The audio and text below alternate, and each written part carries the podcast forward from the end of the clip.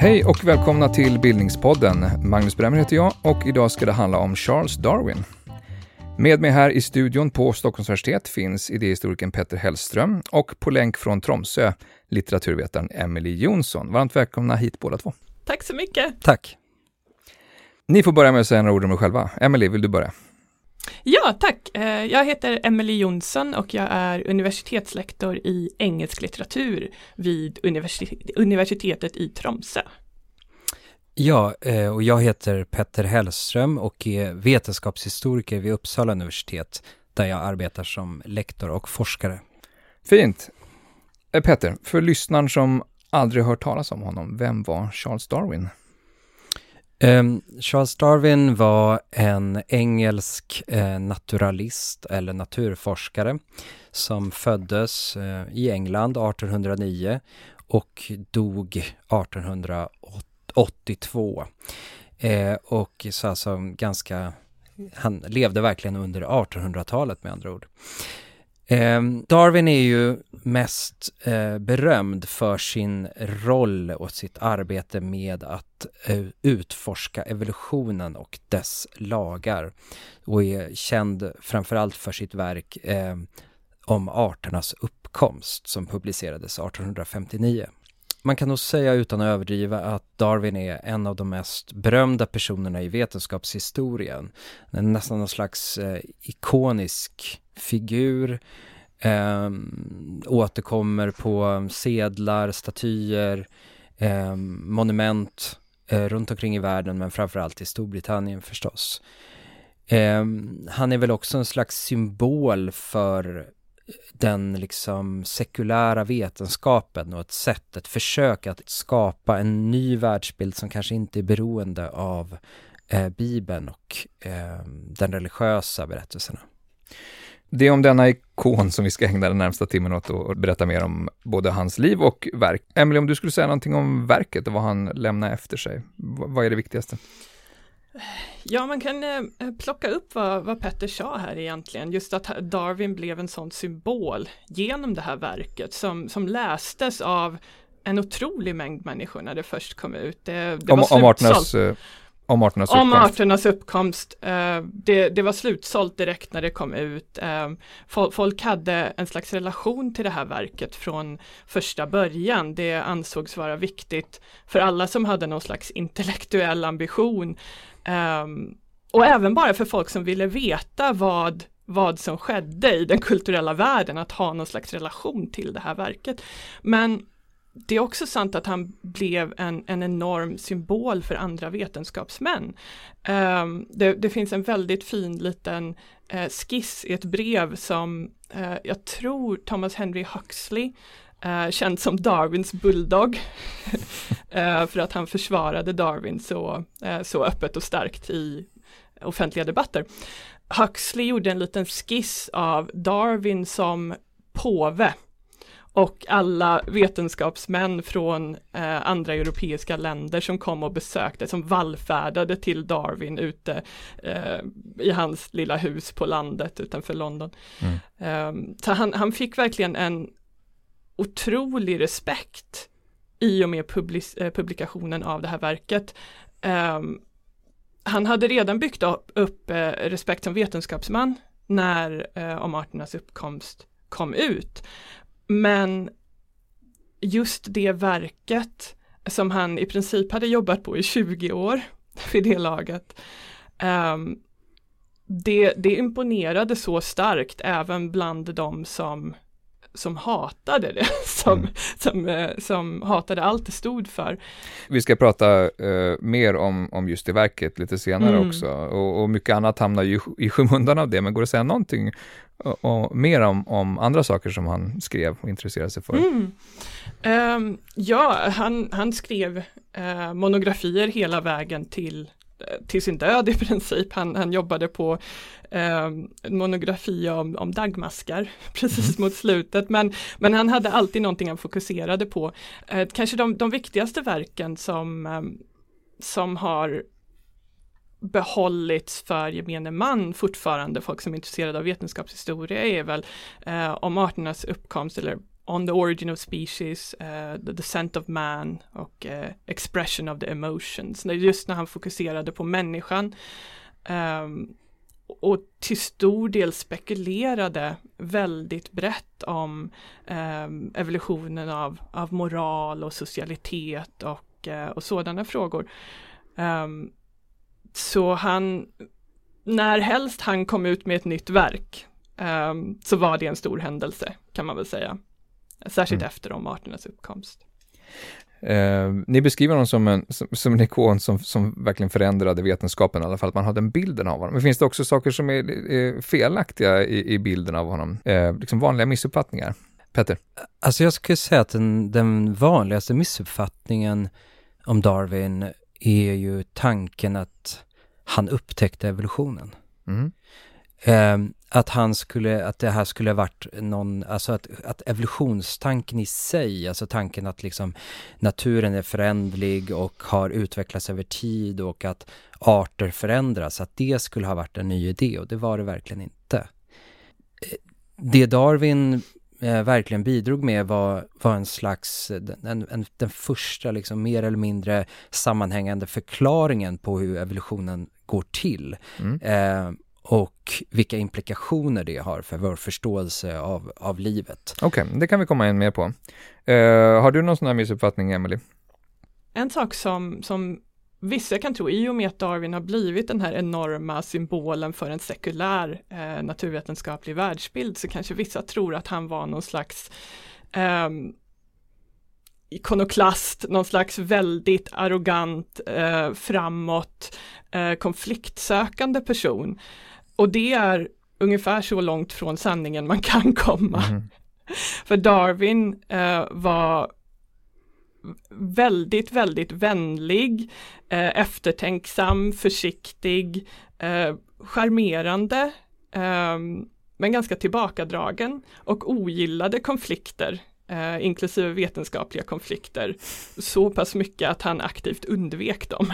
Men uppenbarligen hamnade i dem och, och religiösa debatter och annat som jag tänkte vi skulle komma in på, men det måste varit ganska mm. eh, tufft för honom. Otroligt obekvämt. Eh, hel, hela sitt liv så eh, hade han en slags konflikt med, med sin fru som var djupt troende.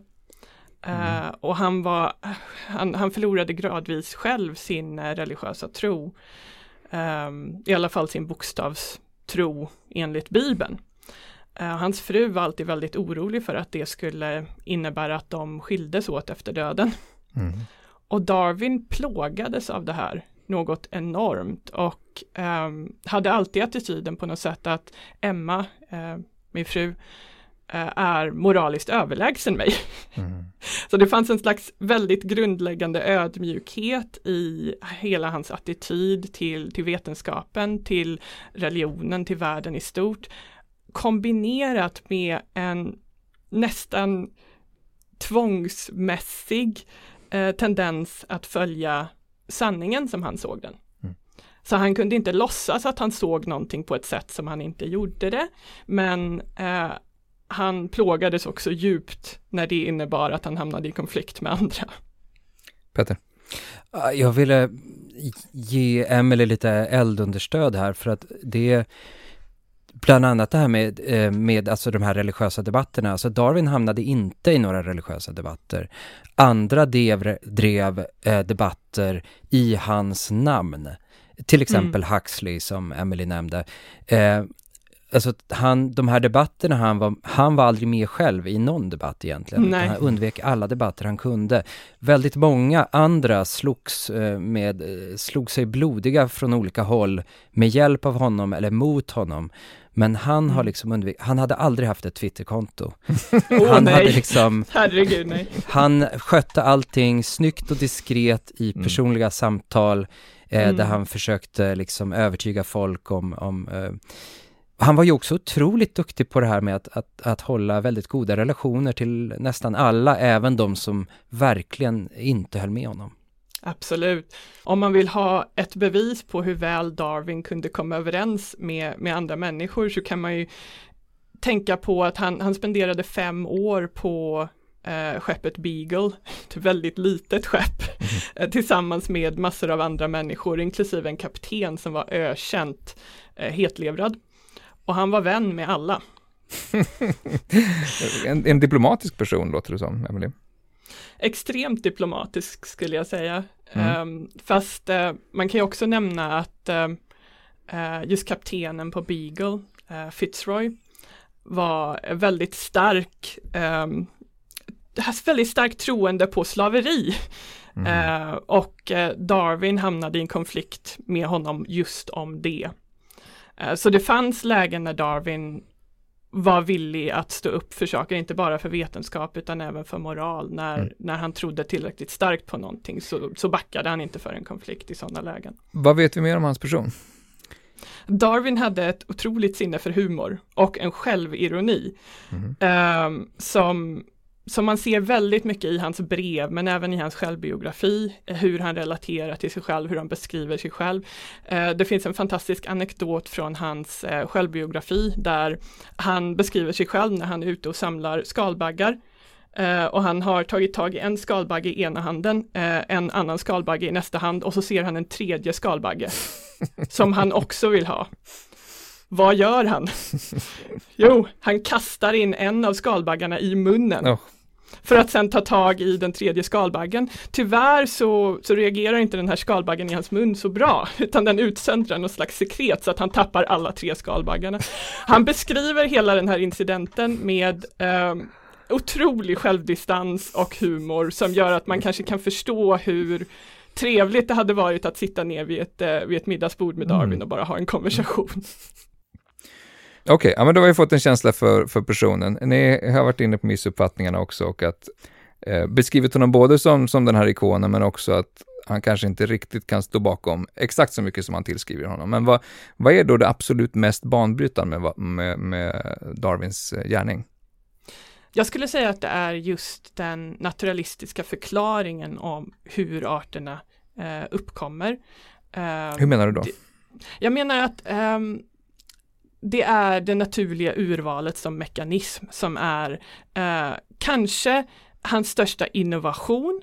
Men jag skulle också tillägga att om man pratar om hans största gärning så är det just att han samlade enorma mängder bevis för evolution eh, och sammanställde detta i, i boken om arternas uppkomst. Eh, så han, han erbjöd en eh, naturalistisk förklaring för hur arter förändras, hur arter kan uppkomma. Och han eh, sa, samman, eh, sammanlänkade information från eh, fossil, eh, fossilfynd, eh, embryologi, arkeologi, hela vägen till geologi och samlade all den här informationen mm. på ett eh, systematiskt sätt som gjorde att folk inte längre kunde ignorera eh, mm. evolutionstankarna. Vad säger du Peter? Um, nej men jag håller med Emily för det första att eh, idén om det naturliga urvalet är ju ett, var ju ett, ett väldigt stort eh, bidrag. Även detta med alltså en rent empiri, att det här är, det, det, har, det hade förts fram olika idéer om evolution väldigt många gånger. Det här var det första gången som det inte gick att ignorera eller slå bort längre. Mm. Eh, men det finns ett till väldigt stort bidrag i hans verk och det är ju alltså tanken på att allt liv är besläktat. Och det är faktiskt ingen, utom möjligtvis hans egen farfar som har fört fram den tanken tidigare, mm. eh, som, är för, som är totalt konsensus idag. Mm. Och, eh, om vi skulle säga någon, någonting lite mer om hans bakgrund, var kom han ifrån Peter? Alltså Darwin, det, det, första man måste tänka, eller förstå kring Darwins bakgrund, det handlar om hans familj. Han kommer mm. från en väldigt speciell familj, nämligen Darwin-Wedgwood-klanen, som man kanske skulle kunna kalla det. Alltså en, en, ett slags nätverk av sammangifta familjer, eh, väldigt inflytelserika eh, engelska överklassfamiljer som var inte bara rika och inflytelserika utan även kända för, sitt, för att vara fritänkare och eh, tillhöra Whig eh, Whig-kretsarna, alltså de, de, den tidens liberaler i, i mm. England. Eh, han växte upp på en slags herrgård, eh, får man väl kalla det, i Shrewsbury, i eh, närgränsen till Wales. Eh, hans pappa var en slags societetsläkare och det är ing, alltså ingen som jobbar på vårdcentralen utan det var en otroligt rik, framgångsrik en slags eh, läkare som, eh, som rika människor kunde gå till för att få den, den bästa vården. Mm. Eh, hans um, fru, alltså hans morf, eh, vad blir det nu, hans morbror tillika hans frus eh, pappa eh, var en av Englands mest framgångsrika kapitalister. Eh, så att det här handlar om någon som föds in i en, liksom, den absoluta intellektuella eh, eliten i, i den tidens England. Mm. Ja, han gifte sig med sin kusin alltså? Absolut. Mm. Eh, han kommer från en privilegierad miljö helt enkelt? Eh, alltså Darwin är, är en eh, det som ursprungligen ut, uttrycket gentleman kommer från. Han tillhörde alltså the gentry. Mm. Och det är alltså i det engelska eh, klassamhället den grupp som befinner sig just under adeln. De har inga adliga titlar, eh, men de eh, bor på gods och har massor av pengar och äger land och det är indikativt att Darwin aldrig jobbar i hela sitt liv. Alltså han jobbar ju otroligt mycket men allt för honom är ju en, en, en hobby och ett liksom, alltså allt han gör som, han är ju inte vetenskapsman i modern bemärkelse att man skulle vara anställd någonstans, jobba i något labb, jobba på något universitet utan Eh, han ärver pengar och investerar dem i aktier. Mm. Och eh, det är så han lever hela sitt liv. Mm när Darwin kom tillbaks från sin resa med Beagle så funderade han kort på att eh, eh, säga ja till en professur och faktiskt jobba i en bemärkelse som vi kanske skulle se som mer klassiskt vetenskaplig idag. Han, han, han rådfrågade sina vänner, ska jag ta det här jobbet, ska jag bli professor? Äh, och han fick rådet att det kan vara bra för folk som behöver en extern struktur för att jobba att ha en professur. Men du behöver inte det Charles. Du kommer göra det jobb du behöver och du kommer göra det bättre om du inte är distraherad av en professur. Mm. Så det var, det var nära att han gick en annan väg och vi kanske ska vara ganska tacksamma att han mm. inte gjorde det. En gentleman science brukar man väl också tala Men hur, hur kom han in på, på vetenskap överhuvudtaget? Petter? Eh, ja, alltså han har en ganska krokig bana där, fast på ett sätt så kommer han ju från en vetenskapsfamilj. Alltså han, mm. hans eh, farfar Erasmus eh, Darwin är ju en väldigt känd eh, slags filosof och läkare. Hans pappa är läkare men också en medlem av eh, Royal Society. Um, alltså stora delar av hans familj är ju på olika sätt delar av den intellektuella eliten. Eh, han skickas eh, först, så, så, när då Charles själv börjar bli, komma till den åldern att det är dags för att studera så skickas han av sin pappa att studera i Edinburgh mm. på pappas pengar då och eh, ska studera medicin och bli läkare är det tänkt så pappa vill att han ska liksom ta över efter honom. Eh, och, eh, men han missköter ju sina studier fundamentalt, alltså han, han tycker det är äckligt med blod, han vill inte vara med på lektionerna och istället börjar han ägna sig åt, åt helt andra saker, så det är inte så att han, han, han sitter hemma och, in, gör ingenting, utan han ägnar all den där tiden åt att ägna sig åt saker han tycker är roligt. Eh, men han lyckas ju inte få godkänt på några kurser och lyckas inte få någon, någon degree. Eh, och då skickas han ju vidare istället till eh, Cambridge som är då en, på den tiden liksom eh, liksom det starka fästet för eh, den konservativa, väldigt teologiskt, hö, det, det, hö, hög, liksom det högkyrkliga England, där han ska studera för att bli präst. Och eh, det händer ju ungefär samma sak där, att han, han är, är, ägnar, alltså han är otroligt duktig student men inte inom det just som han förväntas göra utan inom massa andra saker hela mm. tiden. Mm. Det är här skalbaggarna kommer in när han yeah. börjar jaga skalbaggar. Ja, ja, det är redan där alltså. Okej. Okay. Mm. Mm. Hur, hur, uh, den här jorden runt-resan med Beagle, som ni, fartyget Beagle som ni redan varit inne på uh, och som seglar iväg i december 1831. Uh, Emily, säg något mer om, om vad det var för typ av resa och hur det kom sig att Darwin följde med. Den, det huvudsakliga syftet med Beagles resa var att eh, kartlägga Sydamerikas kust bättre. Eh, och eh, Darwins position ombord var som eh, naturalist väldigt brett eh, definierat. Eh, det var en självfinansierad position mm. så han behövde återigen be sin pappa om pengar för detta. Eh, men tanken var då att han skulle passa på att uh, um, hitta geologisk information, uh, vilket då också inkluderade fossiler och dylikt. Men han fick även möjlighet att um, samla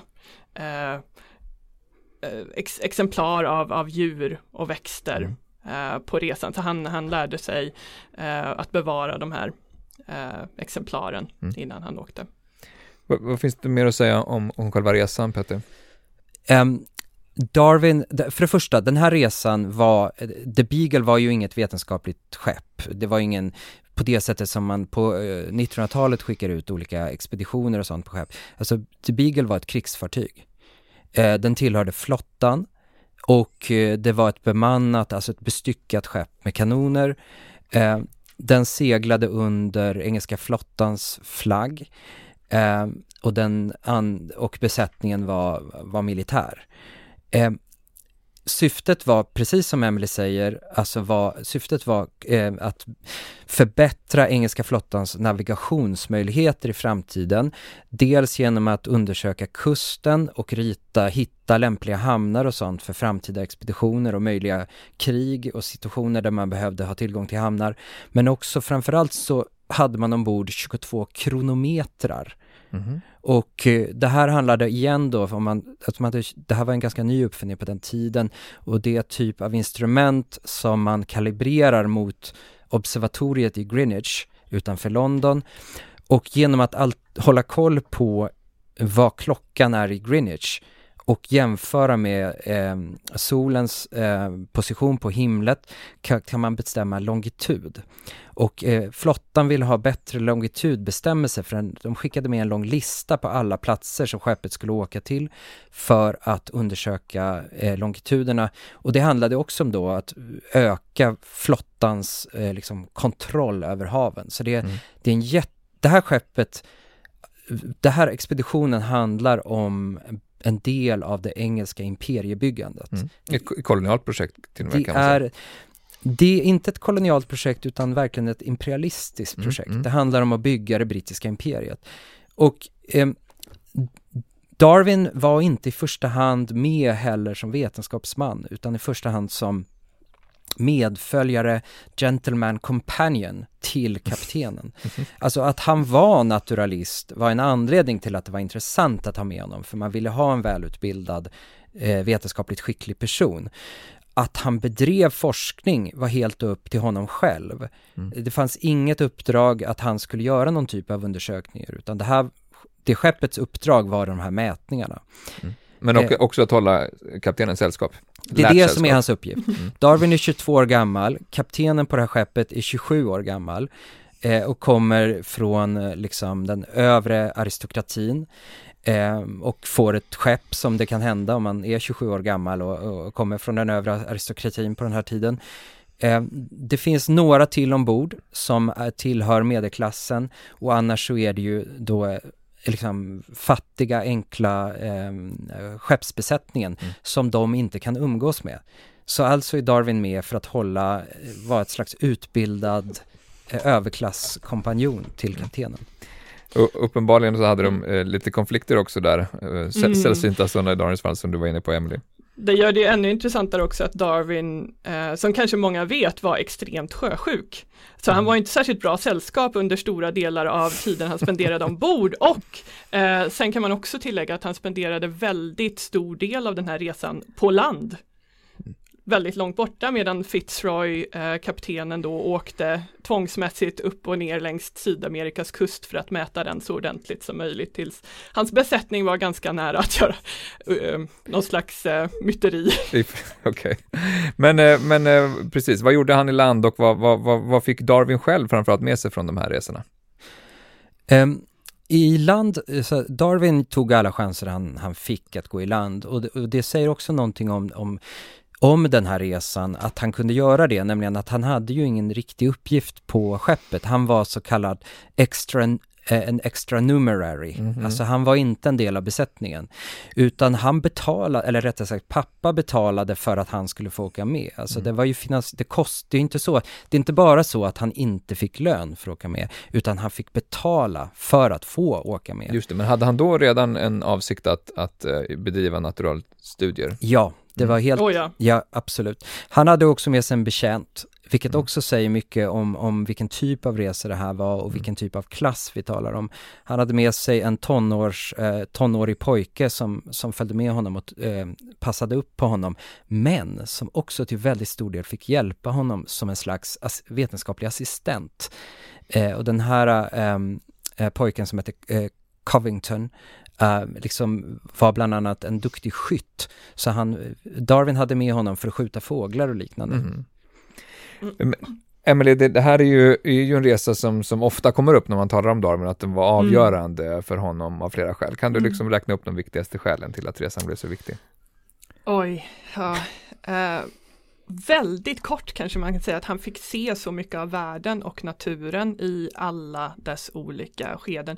Olika typer av ekologier, olika typer av människor, olika typer av djur och arter och hur de varierade. Och genom hela sitt liv, man kan se i brev eh, eller reflektioner som han skrev 20, 30, 40, 50 år senare att han fortfarande använder sig av de observationer som han gjorde under de här fem åren. När han eh, red med gauchos i Sydamerika eller när han såg regnskogen för första gången mm. eller när han upplevde en jordbävning eh, eller när han såg eh, urinvånare på olika platser. Mm. Eh, så det var otroligt viktigt för honom just att observera naturen i den bredast möjliga bemärkelse av naturen, vilket också då inkluderar människan. Mm. Eh, så det skulle jag säga. Nej men eh, det är precis som Emily säger, att den här resan är framförallt eh, en slags otroligt viktig ankarpunkt när det gäller empirin. Alltså Darwin gör en stor resa i livet. Eh, när han sen kommer hem från den här resan så reser han i princip inget mer. Och han sätter sig ner istället vid ett skrivbord eller i sin trädgård mer eller mindre i resten av livet. Och eh, alltså historien är väldigt lik egentligen Linné om man mm. vill ha en, en, en, svensk liknelse. Alltså det är någon som gör en stor formativ resa i, i ungdomen, samlar massor av intryck och erfarenheter, sen egentligen ägna resten av livet åt att bearbeta allt man har sett och uh, mm. upplevt. Eh, men eh, så att den här, den här resan också gör är att den etablerar Darwin som vetenskapsman. Mm. Darwin kommer hem, när Darwin kommer hem är han redan känd. Mm. Han har alltså skickat hem samlingar på pappas eh, bekostnad. Han har skickat hem en massa brev till sina lärare i Cambridge, till eh, olika personer han ser upp till for, inom forskningsvärlden. Eh, de har i sin tur tagit sig an, de har liksom tagit sig an Darwin som, som någon slags men, mentorer de, läs, de publicerar hans brev, de sprider hans observationer. När han kommer till, tillbaks så anses han redan vara en slags vetenskapsman och han, det dröjer inte så många år innan han väljs in i Royal Society. Um, det här producerar också vad som troligen är Darwins faktiskt mest framgångsrika bok under hans liv, vilket inte då är kanske Origin of Species utan hans resedagböcker från Beagle, mm. som blir en slags bästsäljare. Alltså de anses vara ett slags mästerverk inom genren vetenskaplig reseberättelse, vilket mm. alltså är en viktig genre under den här tiden. Mm någonstans här blir ju ändå siktet mer eller mindre medvetet eh, ställt mot vad som sen kommer att bli eh, hans storverk om arternas uppkomst, som utkommer 1859. Eh, men vad, vad, vad, är det liksom han tar med sig främst från de här resorna in i det arbete som leder fram mot den boken?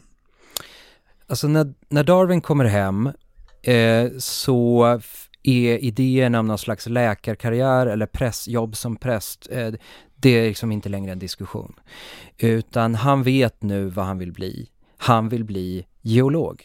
Mm. Eh, och det är faktiskt det som har varit hela hans fokus. Nej men, jag säger det där lite för att provocera för att han är ju i bredare bemärkelse så vill han bli naturalist. Mm. Han vill bli, han vill syssla med vetenskap.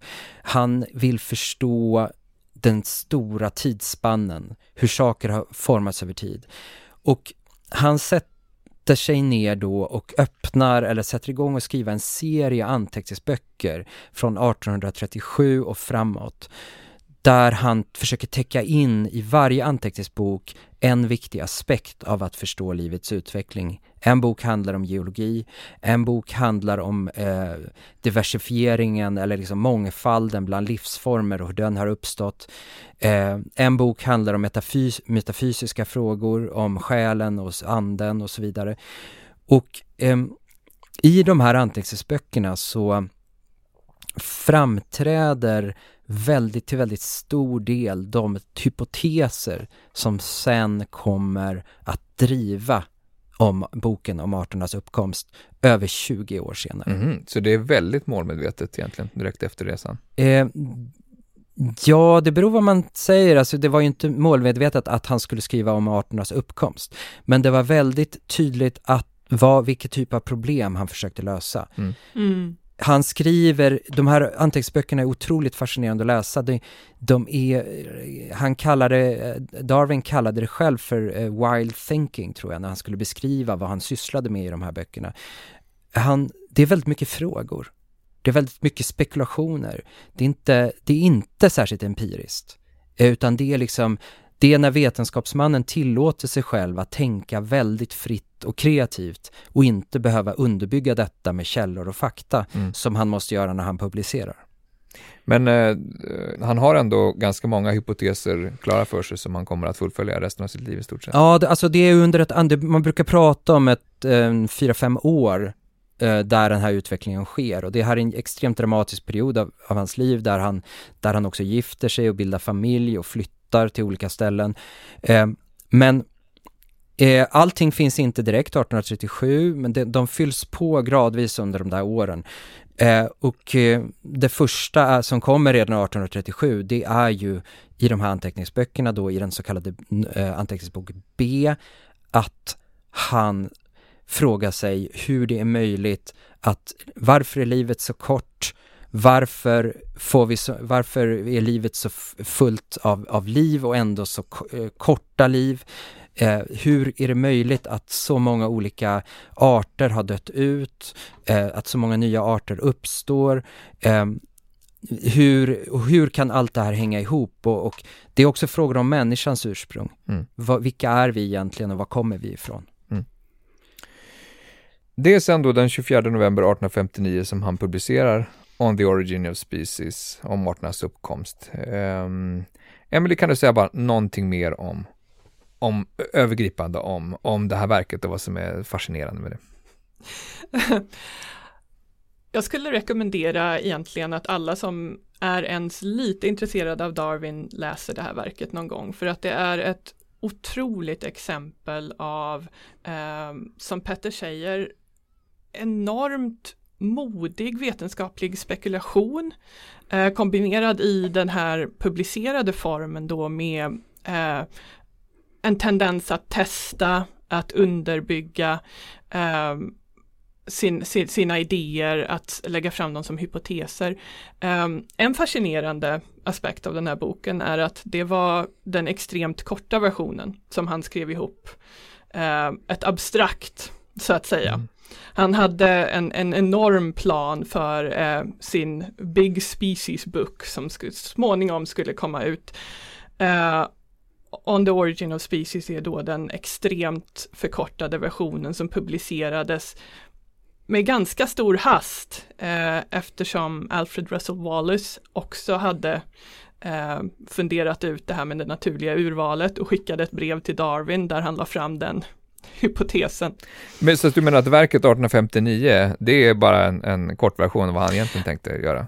Ja, sen ska man ju inte eh, tro att det av, av den anledningen är, är ett hastverk. Det är ju fortfarande resultatet av 20 års väldigt metodiskt arbete. Eh, det var så, så snabb Darwin kunde tänka sig att vara. Mm, mm. Ehm, under omständigheterna. Om vi ska, det finns ju uppenbarligen konkurrenter då och eh, ni har redan sagt att eh, mycket tankar om evolutionen eh, eh fanns redan på plats. Så, eh, Petter, ge en väldigt kort överblick vad, vad Darwin kommer in i för typ av diskussion och vad, återigen, då kanske något om vad han bidrar med. Alltså evolutions... Med den här boken? Ja, alltså evolutionstanken, eh, som vi säger nu, evolution, det är ju ett, ett, en, det ordet har ju kommit senare.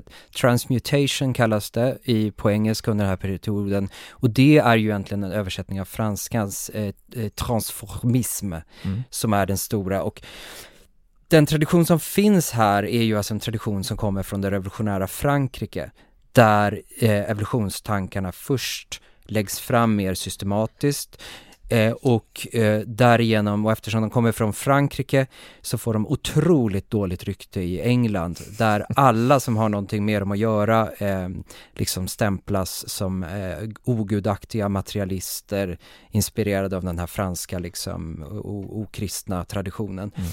Ehm, det är eh, ingen hemlighet att arter dör ut, eh, att nya arter har uppstått historiskt, att livet har förändrats på jorden, att livet eh, på jorden är otroligt eh, uråldrigt. Allt det här är egentligen accepterat eh, bland eh, den utbildade och bland forskningssamhället under den här tiden. Mm.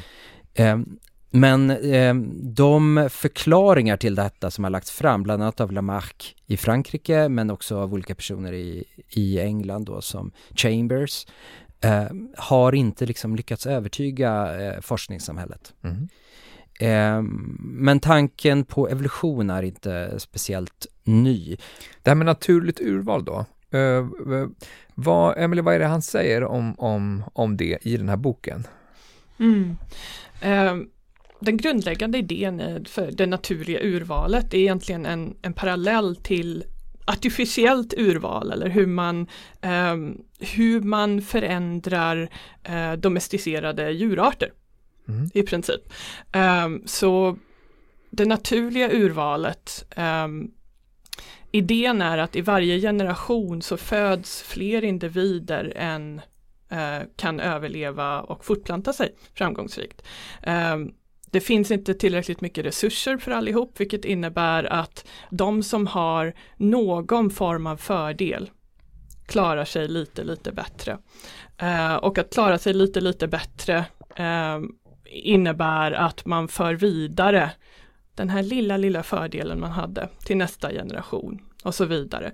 Så det är i grund och botten en naturlig mekanism som eh, som är ganska lätt att förklara för folk om man drar en parallell till hur folk förändrar hundar eller hästar eller eh, vilken typ av domesticerade djur som helst genom att välja ut de individer som man vill ska fortplanta sig. Och Darwin säger då att naturen gör det här. Eh, Av sig själv? Mm. Mm. Ekolog, de, de, olika ekologierna, de olika förhållandena under vilka djuren lever gör det här. Så är det en torka eh, och eh, eh, vissa typer av nötter klarar sig bättre ett år och en generation av fåglar måste livnära sig på de här nötterna och några av de fåglarna råkar ha lite, lite starkare näbbar som är lite, lite bättre på att knäcka just de här nötterna. Mm så klarar sig de individerna bättre. Så det, det är grundidén. Och det var just den grundidén som Alfred Russel Wallace eh, också kom fram till. Eh, och skrev, skrev i sitt brev till Darwin då, vilket eh, vilket orsakade panik hos Darwin som hade, som hade utvecklat dessa idéer i 20 år och visste exakt hur kontroversiellt det skulle vara att, att ta fram de här, de här franska fritänkande materialistiska tankarna som Petter uttryckte. Um, han insåg att han skulle behöva uh, stödja detta med all empiri i världen och verkligen vara metodisk med hur han la fram det här. Så han hade suttit där och varit så ordentlig och så får han det här brevet från den här unga vetenskapsmannen som, som du, du Charles, vad tror du om den här idén? Mm. Och så är det i princip det naturliga urvalet som Wallis också har. Men Darwin han ändå först? Nej, Dar nej.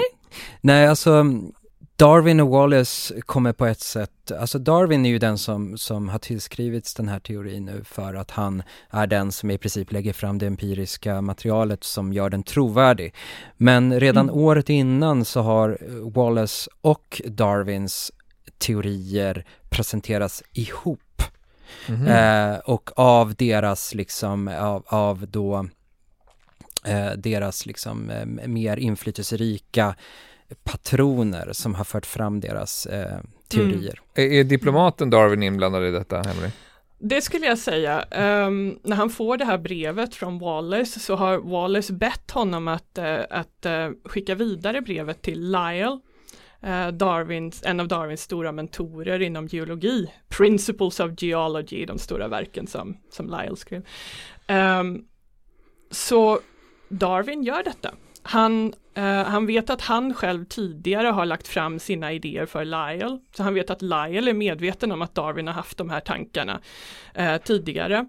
Uh, och um, Darwin som gentleman i det här läget, han är i princip villig att ta ett steg tillbaks och låta Wallace få, mm. Mm. få det här. Han, han skickar vidare till, till Lyle och, och uttrycker sin, sina, sitt plågade samvete.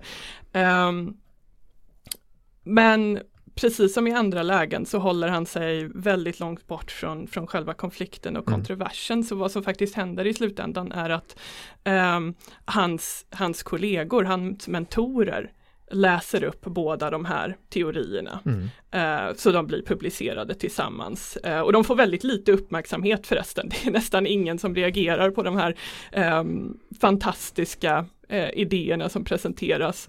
Ehm, men Darwin är inte ens i publiken när det här händer. Han, ehm, hans, hans barn var sjuka vid tillfället tror jag. Mm. Så han, han håller sig väldigt långt eh, från hela den där kontroversen. Ja, jag skulle bara vilja säga att jag tror också är strategen Darwin, inte bara gentlemannen. Mm. Okay. Alltså, Mycket det, sant. Eh, det är ju väldigt, eh, om man inte vill hamna i blåsväder så är det ju, är ju bättre att föra fram sin idé som det här är inte så konstigt för det finns fler som också tänker så här. Mm. Um, så att det här, det här är ett väldigt mjukt sätt att börja, ska man säga, förbereda jorden. Mm. Mm -hmm. Okej. Okay. Mm. Uh, om, om ni ändå väldigt kort skulle säga vilka andra viktiga tankar och teser som finns i om arternas uppkomst eh, som vi behöver få med i den här introduktionen till, till det verket? Alltså, alltså det, det, en helt grundläggande tes, det är ju att allt liv är, är förenat. Mm. Alltså att, för att, och det här är, en, en, är det här är liksom en, en, en skillnad mot tidigare verk som Lamarck, som är liksom helt avgörande. Där Lamarck har ju tänkt sig evolution, alltså att arter och livsformer förändras. Mm. Men det är ändå separata livshistorier. Det är varje, liksom eget, varje art har sin egen utvecklingshistoria. Just det, men att detta att människan härstammar från aporna är, Exakt. är del av detta. Och detta blir konsekvenserna av Darwins av Darwins teori. Och det är helt uppenbart i Origin of Species att det blir konsekvensen även om det inte står mm. uttryckligen. Mm. Uh, väldigt, väldigt sant. Uh, och uh, Lamarck och, och, även Chambers och andra dåtida um, evolutionister som vi kan kalla dem i efterhand då. De, de var ofta fokuserade på evolutionskraften som någonting som förbättrar eh, någonting med någon slags komplexifierande riktning eh, som ofta hade en intention också mm. bakom sig. Och Darwin tar bort intentionen Uh, den finns inte öppet där. Det är naturliga processer. Det är den torkan som orsakar de här nötterna att uh, klara sig särskilt bra. Det är sådana aspekter som Naturens slumpmässighet helt enkelt. Som styr mm. på ett helt annat sätt. Mm. Um, Ja, och ytterligare en skillnad då mot det som har kommit tidigare. Den här idéerna har ju som sagt kommit från Frankrike som vi pratade om tidigare och det, det, har varit idén om att, att det liksom, livet vill förbättra sig självt. Vi vill alltid mm. sträva mot någonting högre, bättre, sannare, friare. Alltså det är verkligen upplysningen och franska revolutionens tankar. Eh, Darwins eh, syn på världen är mycket mörkare och mycket mer mm. inspirerad av eh, eh, liberal ekonomisk teori mm. som handlar om att allting befinner sig i en kamp och strid och där krafter i naturen försöker egentligen bara vinna och förstöra tillföra varandra och det är det som driver utvecklingen, att, att det är konflikt och eh, konkurrens driver utveckling. Inte någon slags idé om att förbättrande och ett, ett projekt om... Mm. Eh, så det, det, är en, det är en mycket mörkare syn på mm. evolutionen som finns i Origin of Species än som mm. finns i de tidigare evolutionära verken. Mm. Och vad blir då reaktionerna på det här verket när, när boken kommer ut? Uh, så det första man kan säga är väl att den, den sålde slut i princip direkt. Alla ville läsa den här boken. Uh, hur, hur, eh, kommer det sig? Först? Alltså den, den, har blivit uppmärksammad direkt då? I, i, i press så? Ja, Darwin var ju som sagt redan en, en figur i det vetenskapliga samhället och det fanns redan väldigt mycket debatter kring evolution som, mm. som Petter sa. Uh, det fanns redan karikatyrer i skönlitteraturen av apor och eh, idéer om, om, vetenskapsmän som trodde att vi kom från fiskar och allt sånt där. Det fanns redan en debatt om evolutionsteorin. Eh, och här kommer den nya eh, välrespekterade vetenskapsmannen som också har den här bestsellerboken eh, om, om sin resa med Beagle. Så kommer han ut med ett verk eh, som stödjer eh, evolutionstankar. Mm. Uh, och det är en ganska stor grej om man tänker sig att det, det, det, stora verket innan Darwin som framförde de här idéerna i England var Robert Chambers uh, Vestiges of the History of Creation. Vilken publicerades anonymt till att börja med, bara det säger ju ganska mycket. Och sen även blev totalt demolerad av den vetenskapliga världen, inklusive Darwins bulldog Thomas Henry Huxley som mm. skrev en fruktansvärt eh, skarp recension av Chambers bok. Eh, så att en respekterad vetenskapsman lägger fram eh, stöd för en evolutionsteori är en ganska stor händelse i sig. Eh, men är det så att det sen följer en, en, en kritikstorm på de här eh, rönen och det han publicerar? Eller hur, hur, liksom ser, eh, hur ser debatterna efter, om det här verket ut? Eh, alltså de, de, debatterna är på ett sätt, ja, det är klart att det här blir ett, det här blir ett um, Väldigt många läser som sagt den här boken och väldigt många har en åsikt om den. Ehm, samtidigt eh, så är den här F bilden vi har av att det liksom blir någon så här total konflikt mellan vetenskap och religion och sånt. Det där finns till viss del men det har också blivit överdrivet i, i efterhand för att det har blivit en så stor debatter kring kreationism och sånt under, under 1900-talet. Men väldigt många inom vetenskapssamhället är ju snarare så att eh, de är snarare besvikna Mm -hmm. eh, snarare än, än arga. Alltså det, Darwin tillhör ju alltså vetenskapsetablissemanget. Eh, hans vänner är ju till väldigt stor del väldigt, eh, tillhör ju den tidens etablissemang och är alltså djupt insyltade i den tidens samhälle och ordning. Alltså de är professorer och så vidare men de är också prästvigda och tillhör liksom olika kontakter uppe i parlamentet och så vidare. Och, eh, de här tycker är imponerade, tydligt imponerade av det empiriska arbetet, av mycket av det som finns i boken, men de är väldigt oroade och eh, besvärade av implikationerna det här har för samhällsordningen och för framförallt för synen på människans plats i naturen. Och varför då?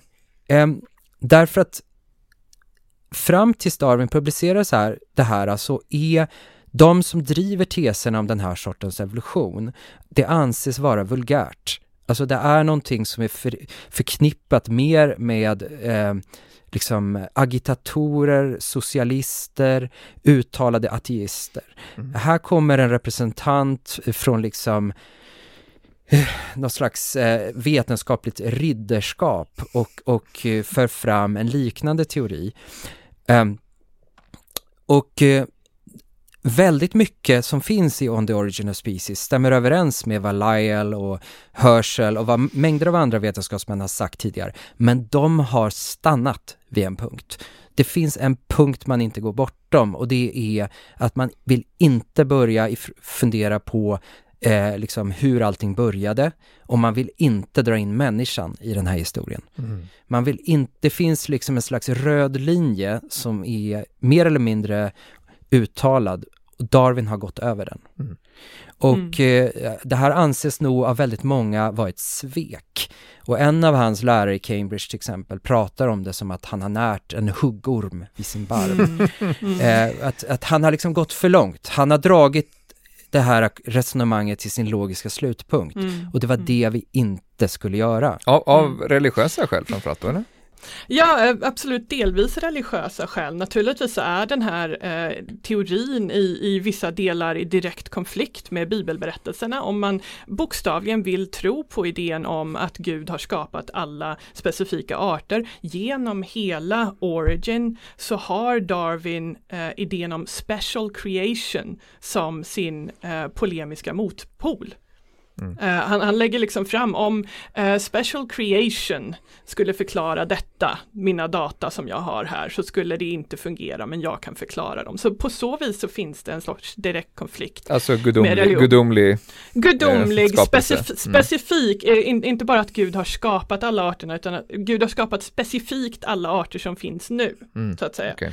Um, men det är också kanske mer generella, lite kopplat till de här tankarna om eh, agitatorer och fritänkare och de, den ideologiska aspekten så finns det ju eh, kanske en oro för, inför idén att människan har förändrats i det förflutna och kanske kan förändras i framtiden, kanske just nu är i förändring. Det finns ett uppluckrande av kategorin människa i det här som är väldigt, väldigt obekvämt för många vid tiden. Och det, för att eh, ge exempel på svaren, det var en, en recension av eh, Origin som sa ehm, If a monkey can become a man, who is to say what a man may become? Mm. Och det, var, det var även en annan eh, person som privat kommenterade I hope it is not true. And if, if it is true, I hope it will not become generally known. Så bara bara så den här, den här- moraliska, moraliska effekten som det kan ha, att det ger liksom en ursäkt för vissa typer av beteende. Just det. Men men, så, så att den här diskussionen är inte någon, någon ehm, tydlig polemik mellan kyrkan och uh, vetenskapssamhället, utan Oh ja, oh ja, det är den också får man säga. Det finns under 1860-talet en väldigt stor debatt mellan de som, eh, de som identifierar sig med den bibliska eh, förklaringsmodellen så att säga och de som identifierar sig med Darwins förklaringsmodell. just det, men och det- även inom vetenskapen så är man uppenbarligen eh, Oh ja, oh tveksam ja, till det. Mm. ja eh, som, som Petter sa så var ju väldigt många av de här vetenskapsmännen prästvigda eller väldigt teologer. Alltså de, Mm. de, det fanns en väldig överlappning där och helt plötsligt så blev det extremt tydligt. Många av de unga vetenskapsmännen var väldigt eh, villiga att eh, omfamna Darwin. Eh, Medan många av de äldre som då hade vuxit upp i en mer kanske naturfilosofisk teologisk version av naturvetenskapen hade mycket svårare för det. Under 1860-talet så fanns det eh, extrema debatter mellan ehm, de som stod för kyrkans sida och de som stod för Darwins sida Mm. så att säga. Hur förhåller sig då den konflikträdde Darwin till de här reaktionerna? Ehm, ja, han försöker hålla sig borta från allting. Mm. Han sitter Oh ja. ute i, i sitt eh, hus, eh, eller på landsbygden i södra England och eh, läser tidningarna och Mm. eh, skriver brev. Eh, och han Mm. vill verkligen inte bli indragen i debatterna direkt. Nej. Säger han någonting? Eh, Ger han någon kommentar? Eh, han ger mängder av kommentarer i brev Okej. och inte Mm. några offentliga kommentarer. Vad, vad är det viktigaste han säger där då? Alltså det, det jag tycker det jag, alltså jag, jag tycker nog ändå att det, det, det talande är liksom ändå hur han är väldigt ledsen ofta i uttrycker att han är ledsen Mm. över att personer har missförstått honom eller misstolkat honom eller att de inte tycker om det han skriver och sånt och att Mm. Alltså det handlar väldigt mycket om det här att han Han skulle ju helst vilja att alla de här personerna han respekterar eh, skulle hålla med honom. Eh, Mm. och det gör de inte. Mm. Nej, jag håller med. Det finns en väldigt plågad attityd i hur han, eh, hur han tolkar den här stormen så att säga. Eh, men det finns också en viss eh, nästan resignation. Han, han säger vid något tillfälle att så länge bara tre personer jag respekterar kan förstå mig rätt så räcker det. Eh, sen är det ju väldigt tråkigt att vissa personer han respekterade enormt mycket förstod honom inte och höll inte med honom eh, i slutändan. Eh, men eh, en, en av mina favoritpassager ur, ur ett av hans brev från den här perioden är till eh, Thomas Henry Huxley, hans bulldog då. Um, och det brevet skrivs efter att de tillsammans har varit på någon form av middag. Uh, och Darwin är väldigt upprörd för att Huxley har försvarat Darwins teori för polemiskt under den här middagen. Och det mm. gjorde Darwin obekväm. och Huxleys svar på det här är att Gjorde jag? Var, det varför är det intressant? uh, jag tycker det är intressant för att um, Å ena sidan så tror Darwin så otroligt starkt på de här idéerna som han har lagt fram och han tycker det är jätteviktigt att folk ser dem. Han vill verkligen dela med sig av den här kunskapen. Så när Huxley och andra går in och försvarar honom i vissa lägen så är han otroligt tacksam. De förstår mig, de vill stå upp för mig där jag inte vill. Men samtidigt när han var med på den här middagen och faktiskt fick se det och när han var så nära konflikten så gör det honom otroligt obekväm. Mm. Och han är till och med beredd att säga till sin försvarare att ta det lite lugnt. jag, vill inte, jag vill inte att folk ska bli obekväma. Mm. Alltså mottagandet av den här boken i ett längre perspektiv och liksom arvet efter Darwins tänkande i stort är på sätt och vis ett eget avsnitt. Men om, om ni bara skulle ge en, en kort version där av inflytandet som de här tankarna får under de årtionden som, som, som följer. Peter? Alltså det får ju, jag skulle säga att, att eh, betydelsen av det här egentligen bara ökar med tid. Um, det kommer ju få en enorm betydelse, alltså det som, ju mer det här blir accepterat desto mer så måste alla förhålla sig till det. Um, vetenskapens grundantagande blir annorlunda.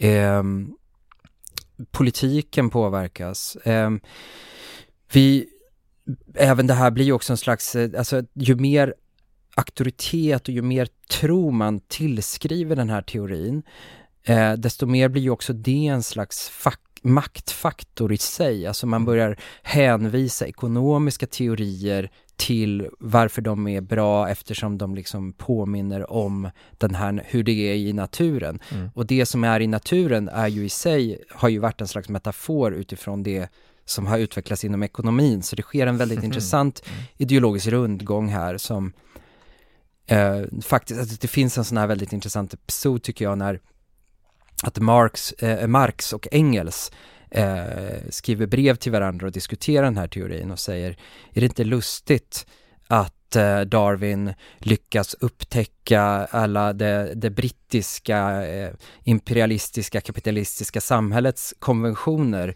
i naturen. Mm -hmm. Och sådär, så att det finns en slags medvetenhet väldigt tidigt om, om att kanske om hur det här kommer påverka samhällsdebatten. Men det, vad, vad, är det de är ute efter då? Och vad är det, på vilka andra sätt eh, använder man, man Darwins teorier för att förklara samhället? Ja, så det som händer ganska snabbt efter att Darwin har... Eh, det, det, om man tänker på de, de konsekvenserna det här har för samhället, så en av de konsekvenser som det här har för samhället är att den definitivt tar död av den långa diskussionen om människans ursprung och vad människan är. Och mer specifikt den vanligt förekommande åsikten under 1800-talet att människan tillhörde olika raser eh, som alltså var separat skapade av Gud och därför var olika och hade olika mycket värde, som alltså hade, var en slags ideologi som hade växt fram i, i nära harmoni med slavsystemet och imperialismen. Mm.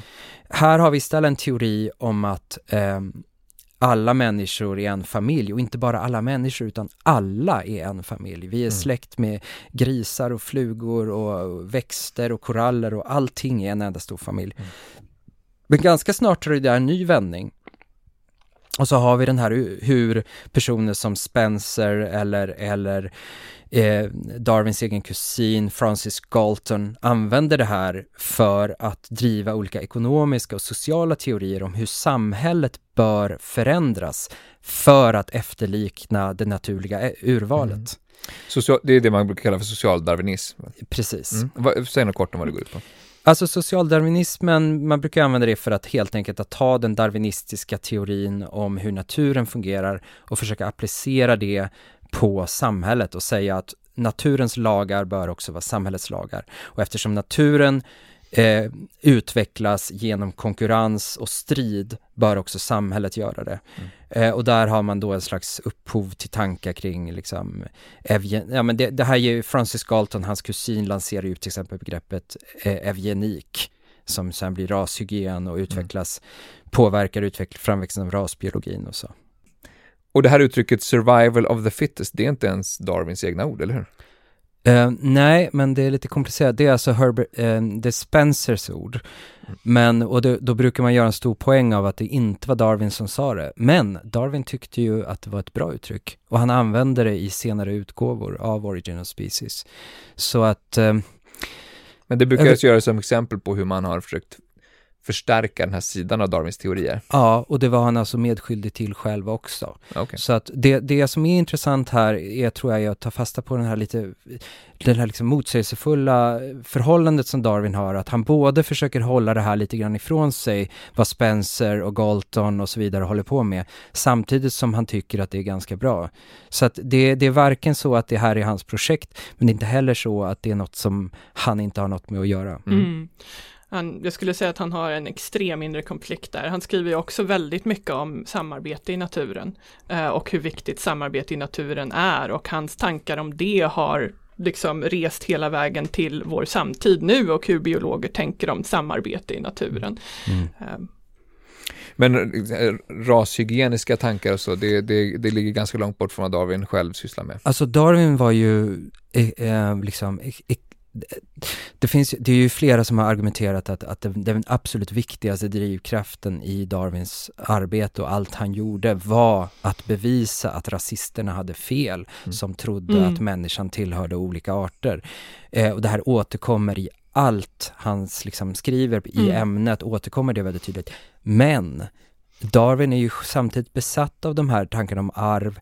I stort sett alla hans barn är organiserade på olika sätt i den rashygieniska rörelsen. Mm. Darwins son är ordförande för den, Londons rashygieniska samfund.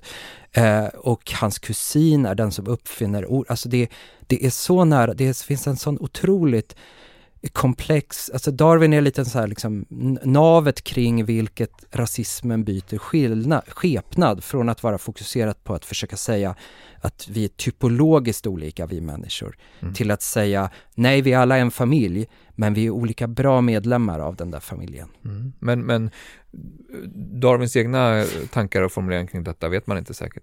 Man vet väldigt mycket skulle jag säga snarare. Okay. Att man vet verkligen att hans stora övertygelse var att människor är en och samma familj och att han verkligen på ett väldigt djupt och grundligt plan avskydde slaveriet och mycket av det, mm. det koloniala systemets mm. förtryck av andra människor. Det är uppenbarligen ganska olika växlar som man drar på Darwins tankar. Det är från eh, marxistisk kapitalistkritik till, eh, till eh, rashygieniska tankar. V eh, hur, hur ska man förstå det där? Mm. Man ska nog förstå det som att det här blir en sån inflytelserik del av tänkandet att alla behöver förhålla sig till det. Alltså de mest reaktionära eh, personerna bygger, försöker hänvisa till detta, men också de mest progressiva och liksom eh, det här darwinismen blir viktig både för liksom tankar om, om, om, för att förändra samhället och göra det mer jämlikt, och, och, men också för att hur man bör ha ett mer hierarkiskt, hårdare samhälle. Alltså alla kan mm. använda sig av detta på något sätt. Mm. Eh, det var väldigt bra uttryck tyckte jag. Och, um, det finns uh, ett stort verk om, om socialdarwinism som har en väldigt talande titel tycker jag. Uh, det är skrivet av Mike Hawkins för eoner sedan nu, men det heter Social Darwinism in European and American Thought 1860 to 1945 Nature as Model and Nature as Threat. Mm. Och i grund och botten så uh, precis som du säger Petter så, så förhåller sig alla till darwinismen. Men de förhåller sig till den på väldigt olika sätt. Vissa ser darwinismen som bevis på att naturen är av ondo, vi måste slåss mot naturen, vi måste ha civiliserande krafter och institutioner som håller tillbaks alla de här fruktansvärda naturliga impulserna. Andra ser det som eh, eh, bevis för att vi är en enda stor familj, att vi måste låta de naturliga impulserna komma fram och vi kan inte låta civilisationerna och institutionerna komma i vägen och eh, korrumpera de här naturliga impulserna. Mm. Eh, och det är också nat naturligtvis idéer som har funnits tidigare via Thomas Hobbes och eh, Rousseau och så vidare. Men det, de kommer verkligen in i högvarv på grund av att darwinismen eh, skapar en slags ny kosmologi om människan. Uh, helt, helt, plötsligt så är det en, en, vetenskaplig skapelseberättelse som man måste mytologisera på mm. nytt så att säga. Emily, du har ju forskat specifikt om uh, Darwins spår i, i, uh, i, i litteraturen. Mm -hmm. kan du säga något kort om vad, vad, vad han, hans teorier gör för avtryck och, och hur de förvaltas? Ja, det väldigt spännande område, säger jag då i all ödmjukhet. Men eh, det, det, det, det roliga är att under den här perioden så finns Darwins evolutionsteori i all form av litteratur. Eh, det, finns sagor, det finns uh, utopier och dystopier, det finns äventyrsberättelser, det finns socialrealistiska romaner, det finns um, symboliska meditationer, det finns allegorier. Så litteraturen tar in den här vetenskapliga teorin och svarar på den egentligen på ett sätt som till exempel inte hände när eh, Lyell la fram sina principer om geologi mm. på samma sätt. Eh, och det är just för att eh, Darwins teorier ligger så nära. Det är en, en, en skapelseberättelse i princip. Det rör eh, de här stora frågorna om vem människan är och var hon kommer ifrån och vad hon kan göra, hur hon kan förändras. Så, ehm, litterära författare tar upp den här frågan på lika många olika sätt som eh, filosofer och politiker eh, och ekonomer och hela samhället på något sätt tar upp det, men i litteraturen så får det en slags, ett slags fritt eh, spelrum för fantasi. Så, så man hittar eh, äventyrsberättelser som eh, Arthur Conan Doyles The Lost World när hans hjältar reser till en sydamerikansk platå och hittar apmänniskor som slåss mot eh, någon slags version av sydamerikanska urinvånare och det är en stor episk strid som liksom ger oss någon slags ny, ny myt om, eh, om vad människans forntid kan ha varit. Och helt plötsligt så känns Darwins version av vår skapelseberättelse mer levande och mänsklig. För att vi har de här hjälteberättelserna om när apmännen besegrades på platån. Eh, så det jag argumenterar i min forskning är bland annat att den här rollen som litteraturen hade var väldigt, väldigt viktig för att det är svårt för vår fantasi att riktigt möta Darwins teori mm. utan att göra exakt det vi har diskuterat här, att, att, att äh, sätta lite emfas på vissa saker och hoppa förbi andra saker, att liksom ändra lite här och där för att det ska se lite mer, lite bättre ut utifrån vår person personliga världsbild. Mm. Um, så det är mycket, mycket det som litteraturen under den här tidsperioden verkligen gör. Mm. Avslutningsvis då, om uh, lyssnaren vill läsa något själv av Darwin, uh, var skulle ni föreslå att man uh, börjar? Emily? Um, jag skulle faktiskt rekommendera uh, hans självbiografi. Um, den är otroligt charmerande i sig. Den är bara ett porträtt av hans liv från när han var en liten pojke eh, som pallade äpplen fram till hur han hanterade hela den här situationen med att bli en av Storbritanniens viktigaste vetenskapliga profiler. Eh, man får också med sig mycket av hans vetenskapliga tankar och även hur han navigerade religion och så vidare. Eh, om, man, om man läser den. Mm. Peter? Um, jag skulle nog rekommendera att man läser om arternas uppkomst. Um, dels eh, för att, alltså det med, med risk för att liksom, gå för långt med de här metaforerna, men det är ju lite som att läsa Bibeln. Alltså man, man läser ett sånt där verk som alla hela tiden hänvisar till, men väldigt få har läst. Mm. Eh, och det är många referenser och liksom som faller på plats när man läser den. Och den, den är läsbar? Den är ju väldigt läsbar. Alltså det, någonting, alltså om arternas uppkomst är ju inte i strikt mening ett vetenskapligt verk på det sättet, alltså som mycket annat Darwin hade publicerat, utan den kommer ju ut på en kommersiell eh, eh, ett kommersiellt förlag på en, liksom en lista tillsammans med liksom självhjälpsböcker och, och olika guideböcker och liksom, det var en populär lista. Det är populärvetenskap egentligen. Mm. Och det är väldigt lätt, lättläst och den finns både på svenska och engelska, lätt att hitta. Det får bli dagens sista ord. Jag tackar Emelie Jonsson och Petter Hellström för att ni ville vara med i Bildningspodden. Tack så mycket! Tack så mycket! Tack också ni som har lyssnat. Vi är tillbaka om ett par veckor med ett nytt avsnitt. Du har lyssnat på Bildningspodden, en del av bildningsmagasinet Anekdot. Fler poddar, filmer och essäer hittar du på anekdot.se.